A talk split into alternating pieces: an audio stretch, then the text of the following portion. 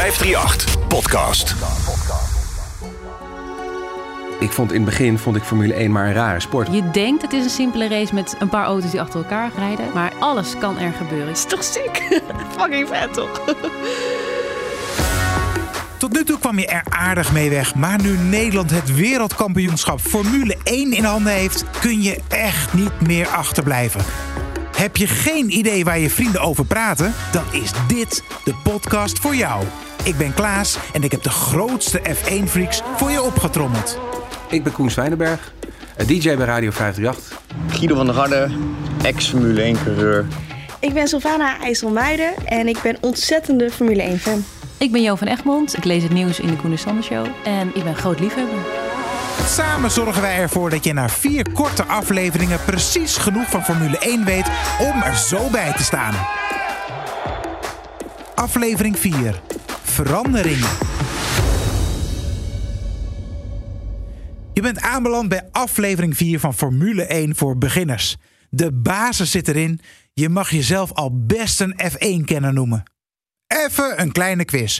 Doe in gedachten even mee. Wat is DRS?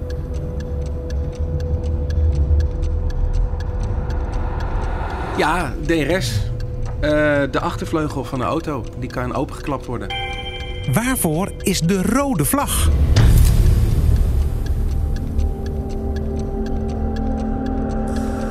De rode vlag betekent eigenlijk dat de race meteen wordt stilgelegd, want dan is er iets te ergs gebeurd. Hoe vaak kan Max Verstappen per jaar naar de Efteling? Oké, dat, dat, dat hoef je niet te onthouden. Hey Klaas, ik heb gehoord dat er best wel dingen veranderd zijn dit jaar binnen de Formule 1. Maar wat is er precies dan anders vergeleken met voorgaande jaren? Vanaf dit seizoen zijn er een paar belangrijke veranderingen in de Formule 1. En om jou helemaal klaar te stomen voor het nieuwe seizoen, neem ik ze in deze aflevering met je door. We beginnen even bij het vorige seizoen, want toen werd de sprintrace in het leven geroepen. Nou, daar zijn ze in 2021 mee begonnen. Dit hebben ze gedaan om uh, eigenlijk voor de jongere kijkers. Een Formule 1 race op zondag duurt best wel lang. En ze hadden uit onderzoek gehaald dat de spanningsboog van jonge kijkers niet zo lang meegaat. Dus ze wilden daar wat op verzinnen. Ze wilden de sport jonger maken. Ze wilden meer mensen daarbij betrekken. Toen hebben ze de sprintrace in het, ja, in het leven geroepen. Het is eigenlijk een, uh, een kleine Formule 1 race, maar dan uh, 100 kilometer. Dus dat is een derde van hoe het zondag eruit zou zien. En uh, dan is zaterdag de sprintrace en die bepaalt de startopstelling voor de zondag. Het is een experiment en waarschijnlijk gaan ze het nog wel doortrekken. Ik vroeg Koen en Jo ook naar de belangrijkste veranderingen. We krijgen dus komend seizoen in de Formule 1 de VAR. Ja, echt. Maar, maar hoe gaan ze dat dan doen, ja. Jo? Ga, wordt de race stilgelegd omdat de beelden even moeten ja, worden bekeken? Ik heb geen idee. Gaan wij die beelden dan ook, ook nog zien? Ja. Gaan wij zien wat zij zien? Ja. Ja.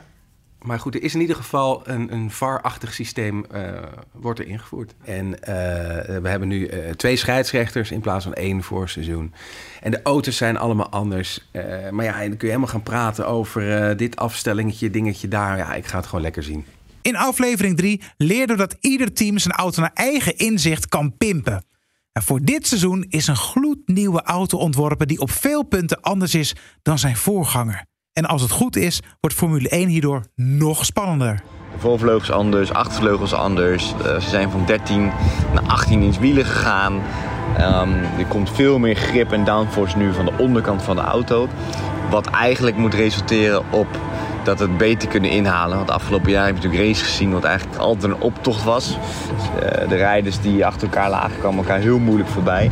En door dit reglement moet, uh, ja, moet het allemaal wat makkelijker gaan om in te halen. Moet natuurlijk allemaal blijken. Dan gaan we natuurlijk de eerste race zien dit seizoen. Maar uh, ja, dat, dat, uh, dat het goed is dat er een nieuw reglement is, is, is ja, ik, ik ben er heel blij mee. Want hopelijk brengt dat gewoon het veld dichter bij elkaar en komt er gewoon meer spektakel. De nieuwe auto's hebben grotere velgen en dus grotere banden. En daardoor geven die banden meer grip in de bochten. Wat voor veel coureurs fijn is, maar sommigen zeggen ook dat door de hogere banden het zicht wat wordt belemmerd. Zeikerts. Ook een belangrijke verandering. Een team mag niet meer onbeperkt geld gebruiken voor aanpassingen aan de auto's. Hebben ze allemaal gedaan om het leuker te maken. Het is best wel af en toe frustrerend geweest dat er gewoon de meest dominante teams hebben het meeste geld en het verschil is heel erg groot. Uh, dat zie je ook echt alleen bij Formule 1. Dat, dat de budgetten is zo'n groot verschil en ja, het is toch leuker als, als ze dezelfde auto's hebben. Toch? Dat, ze, dat, dat het echt erom gaat wie is nou de beste coureur. Dus ze doen er echt alles aan om het leuker te maken.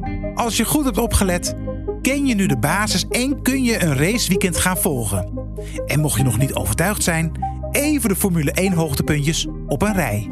Dat was absoluut Zandvoort. Dat was zo bizar genieten. Het was zo te gek. Ik heb gewoon een soort van drie dagen daarna een soort van kater gehad. Van, oh, dit was zo vet, dit was zo vet. Ik heb zo genoten, wat een geweldig weekend. En nu ben ik gewoon weer thuis. Wat kut.